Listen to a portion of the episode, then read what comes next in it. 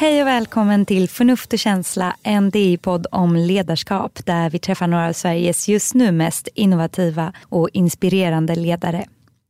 Jag heter Caroline Åkerlund och jobbar på Dagens Industri. Och eh, det här är avsnitt 72 där vi ska träffa Parul Sharma som är 44 år och chef för Greenpeace Sverige sedan augusti 2019. Innan det har eh, Parol Sharma jobbat eh, länge som människorättsjurist, bland annat på advokatfirman Vinge. Och eh, 2016 utsågs hon till att leda den svenska Agenda 2030-delegationen. Greenpeace är en internationell ideell miljöorganisation som verkar i ett 50-tal länder runt om i världen. Och I Sverige har organisationen omkring 45 anställda och kontor i Stockholm.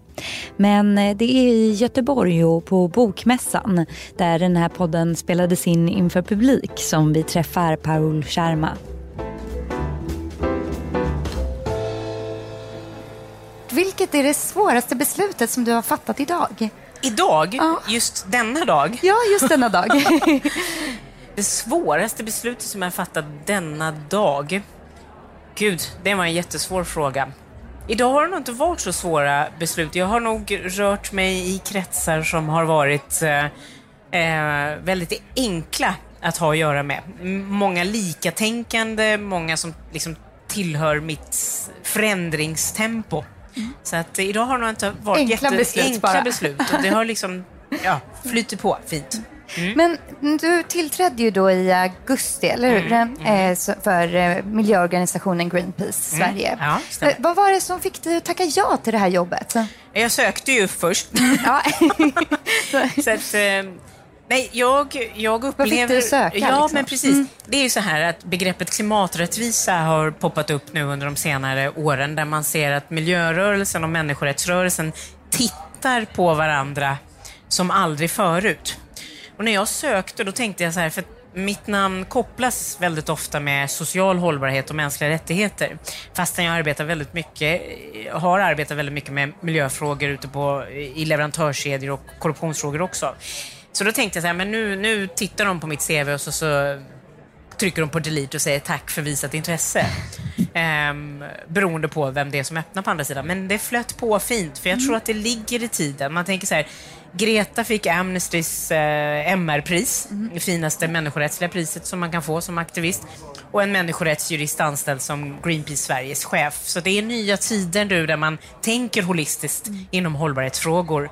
Så, att jag, jag så att de var... tänkte kanske att du kunde tillföra de andra dimensioner? De tänkte som jag tänkte. Vi ja. var ganska synkade i tänket. Mm. Att det klimaträttvisa innebär ju ett, det här holistiska kugghjulet inom hållbarhetsfrågor eh, där människa, miljö och människans girighet behöver adresseras på ett helt nytt sätt och helt Men, öppet sätt. Kan du inte bara berätta lite kort, hur kom du in på de här frågorna från början? Ehm, jag valde ju eh, humanjuridiken eh, och fokuserade på det. Så att eh, mitt absolut första uppdrag var, rörde sig kring rätten till liv och barn, barnens rätt. Och sakta men säkert inom um, faktiskt först inom bistånds... Nej, jag hamnade inom biståndsvärlden först, eh, på EU-kommissionen. Först på UD ett tag och sen EU-kommissionen där började det vinkla sig så mer och mer att jag, att jag fick uppdrag att um, ta hand om asiatiska företag um, som arbetar med bistånd.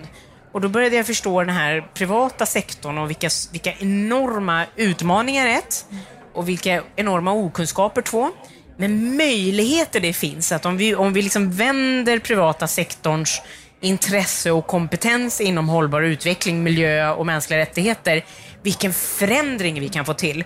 Och då kände jag, men det är här jag ska vara. Jag, jag, det, det, är lätt så att när man, man, man arbetar med likasinnade, att vi hyllar varandra hela tiden och du är så bra, nej du är så bra. Varför inte gå in i en sektor där ingen tycker att jag är bra eller duktig eller där ingen tycker att det jag säger och gör är viktigt och se om jag kan skapa förändring. Jag var kaxigare då. Jag är väl ganska kaxig nu också, men det, då gick det lättare att göra sådana val. Mm. Men vad, kan du ge exempel på, vad var det du såg då till exempel som, man, eh, ja, som du blev förvånad över ja, eller som du det, ville förändra? Precis. Det första som jag reagerade på det var det här eh, icke-uppvaknandet som, som eh, var ett faktum. Att, eh, att industrin inte såg sitt avtryck. Eh, Mm. Och det är inte bara det fossila avtrycket, men också avtrycket på människor som finns i leverantörskedjor idag, i, på produktion, i deras produ egna produktion ibland, eller den produktionen som man har liksom beställt från annat håll. Så att där kände jag att här kan jag vara med och bygga upp någonting och bidra med kompetens. Ehm, sakta men säkert så började det här ju poppa upp som ett, ett, eh, ett, eh, CSR-begreppet, Mm. Corporate Social Responsibility. Och man började ju se, det började ju komma eh, liksom shaming-artiklar med Shaming-artiklar, och det började redan Det här på 80-talet. bolaget har inte koll på eh, Precis. ja, Så att- så att var- fabriker som har rasat ihop Precis så. exempel. Och samtidigt under den perioden så var det mycket, mycket nytt med tillväxtmarknader. Och Sydasien var ju en sån här tillväxtmarknad och jag hade ju liksom utvecklat någon typ av specialistkompetens i den regionen och fick då möjlighet att, att arbeta med, med mina frågor inom näringslivet i den regionen. Det var, ju, det var ju bingo, klockrent för en person som mig. Jag tänker, det här är ju lite vad din eh, bok handlar om. Ja. Men innan vi eh, går in på den Ja. eh, så tänkte jag bara, jag, är lite nyfiken på ditt arbete på Agenda 2030-delegationen. Mhm. Eh, för det var ju för att du hade den här holistiska kompetensen som du faktiskt utsågs till ordförande för den efter Parisavtalet. Och Ja. den ska ju, ditt arbete var ju då att leda Sveriges, eh, vad ska man säga, Sveriges Utredning. bidrag och ut- Utredning. Ja, utredning. Ja, inom hur vi ska 2030. nå målen, Precis så, de här 17 målen. Ja, utredningen gick ut på ehm, att vi skulle se hur långt det var kvar för Sverige i förhållande till alla 17 mål. Hur långt har vi svenskar kommit med Agenda 2030? Hur bra eller dåliga är vi? Och, och min utgångspunkt var att vi är framträdande i världen ehm, i vårt avlånga land. Så territoriellt är vi väldigt duktiga inom miljöfrågor i vårt land och vi har, vi har var- varit tydliga med deklarationer som att vi ska vara det, det första eh, fossilfria välfärdsstaten. Men väldigt snabbt insåg jag med, med min mycket starka och kompetenta delegation att det är lätt att prata eh, territoriellt med 10 miljoner invånare. Men, men Sveriges avtryck utanför vårt territorium är ju, är ju det största bekymret och det är också det mitt tidigare arbete har handlat om med produktionskedjor. Majoriteten av vår produktion ligger ju inte i Sverige längre. Vi är ju inte självförsörjande för ett öre längre. Eh, Så då, då såg vi det här fossila avtrycket dels och sen avtryck på mänskliga rättigheter och också antikorruptionsfrågor. Så att det jag gjorde var exakt det jag alltid har gjort i delegationen. Jag hade min verktygslåda med väldigt kompetenta eh, övriga delegater. Och vi, vi tittade på målkonflikter för Sverige också. Vad, vad kan det vara En till målkonflikt, exempel? ja. Ehm, en målkonflikt är för världens första feministiska regering kan ju vara att vi faktiskt exporterar vapen till länder där kvinnor förtrycks och förnedras dagligen, där kurvan för kvinnors rättigheter dippar utan like. Pakistan är ett sånt land till exempel, där kvinnors rättigheter enligt internationell forskning har dippat som bara den. Vi älskar att sälja vapen till Pakistan. Hur går det hand i hand? Ehm, en mål, till målkonflikt eh, som också Greenpeace tar upp väldigt ofta, det är att vi har cirka 12 miljarder ehm, kronor i vår budget som vi har lagt ut på miljö och klimatinvesteringar. Men vi har 30 miljarder som går till, till fossila eh, subventioner Ehm, och fossila investeringar. Vi har närmare 60 miljarder som ges till försvaret. Och då, då kan man ställa sig frågan, är, vi liksom, är det kompatibelt? För de, de här 17 målen måste ju vara synkade någonstans. En målkonflikt måste ju också någonstans begära en, en ärlighet ifrån regeringen och staten och våra politiska ledare om att ja, men då prioriterar vi då vapenexporten före det feministiska, eller mål 5 då, jämställdhetsmålet. Då får mål 8 som är liksom schyssta anställningsvillkor och, och eh, eh så att säga, arbetskraft och eh, arbetstillfällen, då, då får vi prioritera det före. Men man måste vara tydlig med det då. Det går inte att säga att vi jobbar med hela agendan. Men de här målkonflikterna var väldigt spännande att få att fördjupa sig i. Det låter ju som ett jätteprojekt också att bara sy ihop det här och liksom få en helhetsbild. Ja, det var, det var en fantastisk inlärningsperiod för mig och framförallt fantastiskt att se hur, hur eh, våra politiska ledares mindsets fungerar. Förlåt, nu gjorde jag så här, men jag menar hur de fungerar. Det var, det var inte alls något menat. du snurrade lite på, på fingret. med Nej, men fingret. det var, men nej. det var, jag menade ingenting där. Mm. Men du lämnade ju också eh, delegationen 2017 då och det Ja. var i samband med att man bestämde att storföretag skulle få ta plats Just vid borden. Just. Va, varför, hur landade du i det beslutet? Ja, nej, men det beslutet landade i, det var en diskussion som pågick med regeringen, mellan mig och regeringen i sex månader i, i princip, där jag var väldigt tydlig med att tar ni in individuella företag, då blir det jättejobbigt för mig som jurist. Jag kan lätt hamna i en jävsituation, nummer ett. Jag har arbetat, jag har haft ett mycket brett klientell inom näringslivet där jag har arvoderat. Jag kan inte ha företag i samma delegation som, som jag också jobbar åt. Det kan mycket väl bli så enkelt att jag lutar åt förslag som de ger gärna. Nu kommer det säkerligen inte skulle det säkert inte vara så. Men att, eh, att jag, jag är så pass balanserad att jag vet. Men för en jurist är jävsstämpeln nog det värsta man kan utsättas för. Nästan, nästan värre än dålig rådgivning, juridisk rådgivning. Men sen fanns det viktigaste lagret ändå i den här frågan för mig var att i, vi hade ju inom sex eh, månader givit rekommendationer till regeringen där vi sa att det föreligger i princip total straffrihet för svenska företag som producerar eh, sina eh, saker och tjänster i andra länder. Man kan inte på, liksom, ställas inför rätta. Vi har liksom ingen lagstiftning. Så att det var mycket lagstiftningskrav som vi ställde i de här rekommendationerna. Då kan man ju gärna inte ta in företag. Jag är fullt med på att ta in företag så länge vi har eh, riktig lagstiftning för hur man ska agera i tredje land och i Sverige när det gäller hållbar utveckling. Eh, men det har vi inte, utan det är fritt spel. Det är lite grann som en fotbollsplan där alla sparkar fotboll men med egna regler lite grann. Tänk er då ett sånt spel, hur kaotiskt det blir. Och idag pratar näringslivet om hållbarhet, men man, man har olika spelregler. Och man plockar gärna lite, lite cherry picking, det man tycker om att prata om. Det finns alltså ingen struktur. Eh, och sen det tredje lagret eh, som, som var, det var att jag under sex månaders tid sa att det är bättre att ha in liksom, branschorganisationer. Mm. För att Sverige har fått väldigt mycket kritik från EU och OECD att vi inte är riktigt bra på att, att eh, få in branscher in i hållbarhetsarbetet. För det är först när, när de här stora branschorganisationerna tar ställning i hållbarhetsfrågor som någonting kommer pushas och röra på sig. Att det blir som en paraplyeffekt. det blir som ett para, precis så. Och det blir kraftfullare. Så att, eh, men nej, då valde de att ta in Scania och Swedbank. Och Scania ägs av Volkswagen. Say no more, vi vet. Swedbank, bara, det är bara att sätta igång och googla de senaste sex månaderna hur det har varit där. Jag tycker inte det är okej. Så det var många lager där. Är du nöjd över att du hoppade av då? Eller. Nej, det var en jättejobbig period i mitt liv. Det var en av mina sämsta eh, så att säga, perioder. Det var dels för att jag var orolig för att jag ska minnas som avhopparen. Jag jobbade faktiskt väldigt hårt.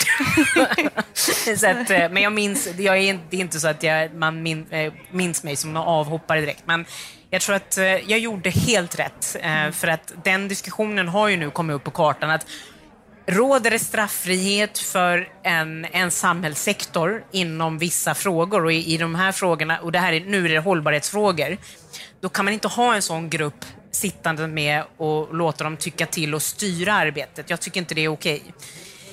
Blir det rättvisare lagar och bättre lagstiftning på de här frågorna så tycker jag det är helt okej. Men en snabb eh, bedömning då. Mm. Hur, enligt dig, hur förberett är näringslivet idag på de här stora omvälvande förändringarna som Så- ändå verkar krävas Ja. för att vi ska nå målen? Det är lite olika där. Jag tycker det är lite oschysst utgångspunkt igen för dem. För att, återigen, eh, för ett par år sedan, nej inte nu, ett par år är det inte, nu är det fem år sedan som Accenture och UN Global Compact gjorde ett stickprov på cirka 3000 företag, tror jag det var. Där man frågade, vill man ha strängare lagstiftning? Eller lagstiftning då i svensk sammanhang, för vi har inte det. Ehm, då svarade majoriteten 80 procent. Jag tror det var 87 procent av ehm, um, vdarna och styrelseordförandena som sa att uh, vi vill ha strängare lagstiftning. För vi vill ha samma spelplan. Så när du ställer en sån här fråga, hur beredda är vi?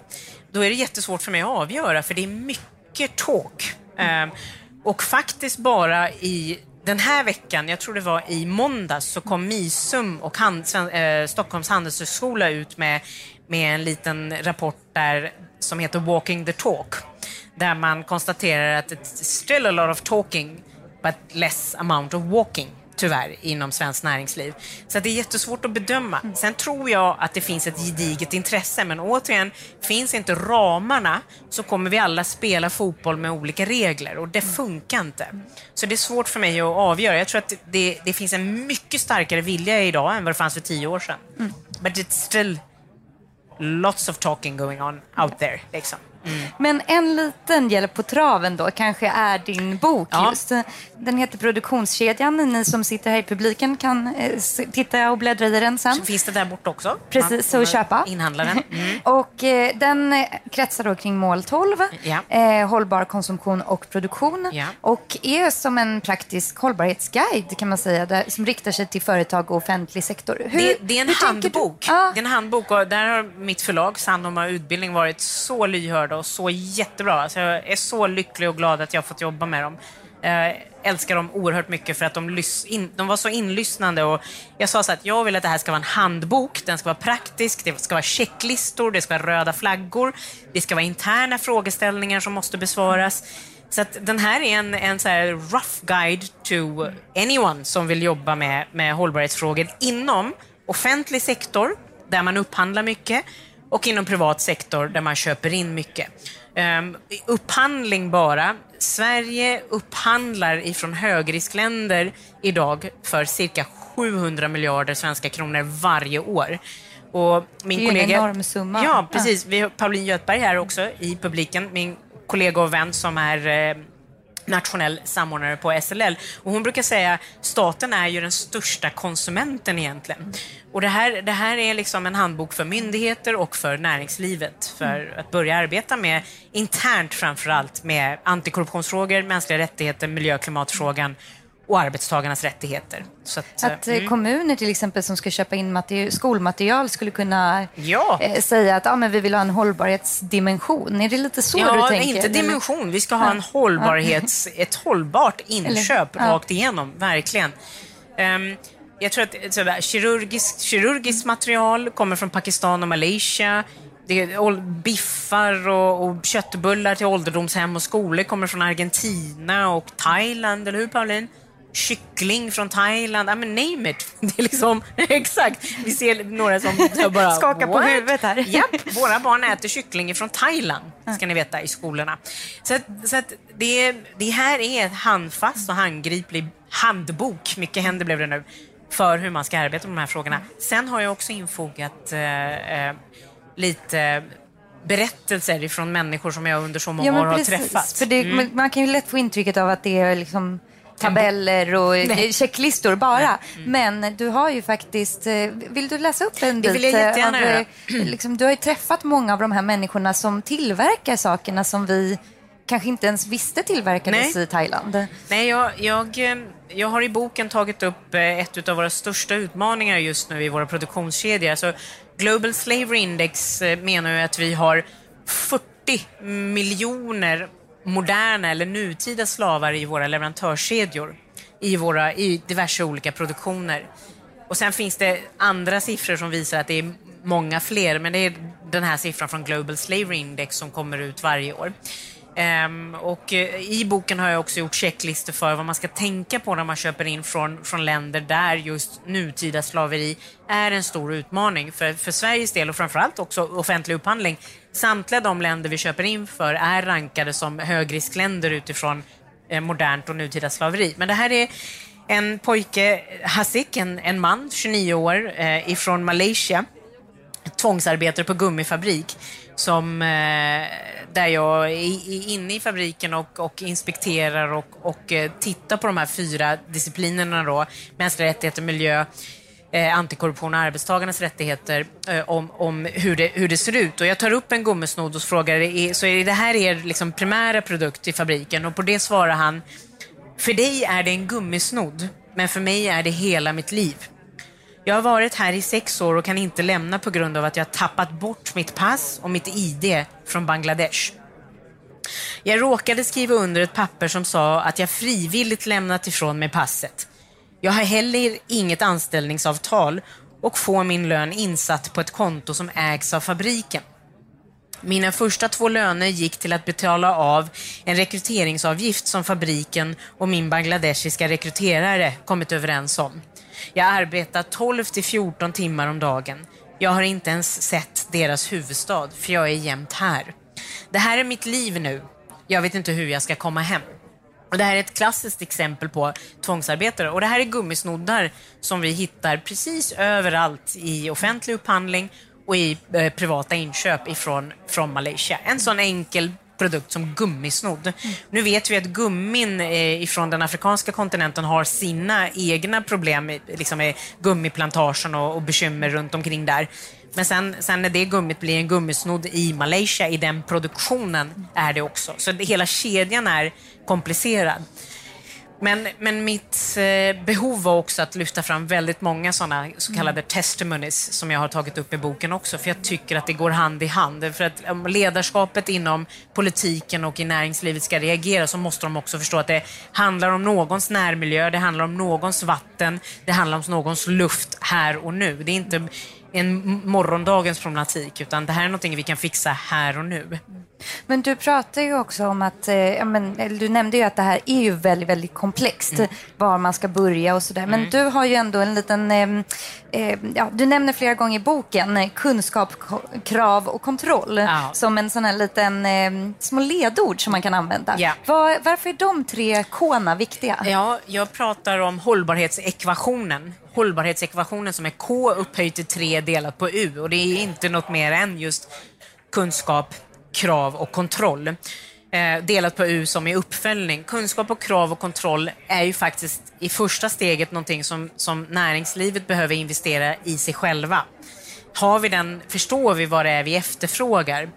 Eh, jag tror att det är oerhört viktigt att förstå att åtta av tio svenska storföretag idag har inte investerat praktiskt eh, i sina inköpsorganisationer eh, när det gäller hållbarhetsfrågor. Men de har däremot 10 av 10 investerat i sina marknads och PR-organisationer, i sina kommunikationsorganisationer för, för, liksom, för att nischa hållbarhetsfrågan. Det är väldigt snedvridet och det är väldigt oroväckande. För att kommunikation och PR och sånt kan vi hålla på med senare. Nu behöver vi fokusera på inköpsorganisationerna och upphandlingsorganisationerna inom myndigheter. Men möter inte du en massa företagare som säger liksom, ah, men det, här är ju jätteviktiga frågor, ja, jag skulle gärna vilja göra någonting, men mm. min styrelse mm. vill att vi ska fortsätta växa. Precis, eller... och då kommer vi in till lagstiftningen. Vad gör man då? Ja, vad, vad gör du då för råd? Nej, men då kommer vi in, jag förstår den frustrationen någonstans, för nu kommer vi in till lagstiftningsfrågan igen. De har ett lagkrav på sig att ha kvartalsmässiga eh, eh, så att säga, strategier. Rapporter och strategier. Ja, och rapporter. Mm. Och de har ett lagkrav på sig att visa på avkastning inom tre månader.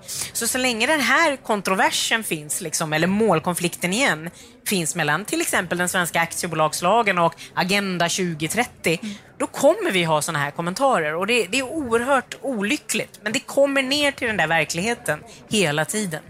Så att jag förstår dem. Eh, samtidigt får jag också höra det här med att det är så komplicerat. Och det är komplicerat, men allt annat i affären är också komplicerat.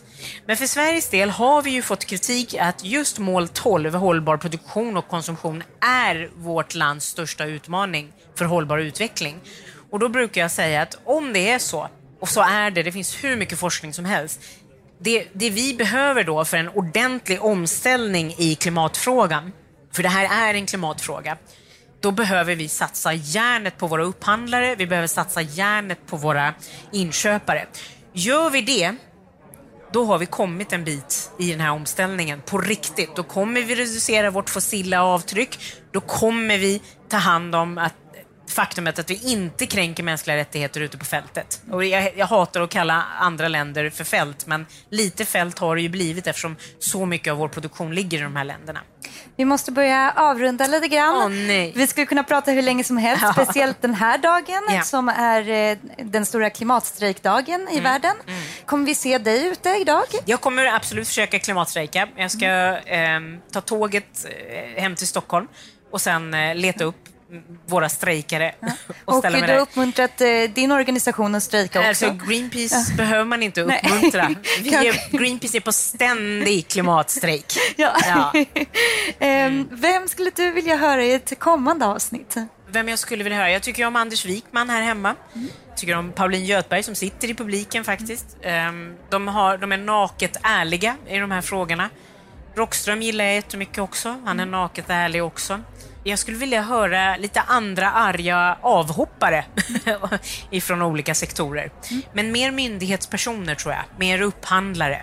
Deras vardag och deras liv. Har det skett någon förändring i, när vi pratar hållbar utveckling? Eller är det upphandling och inköp i vanlig ordning utan att man liksom egentligen har någon koll på vad det är man köper in? Stort tack Per Sharma för att du var med här i Förnuft och känsla. Tack Caroline. Tack så mycket.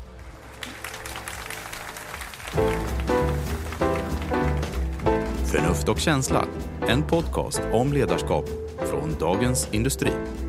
Podden klipps av Umami Produktion. Ansvarig utgivare Peter Fällman.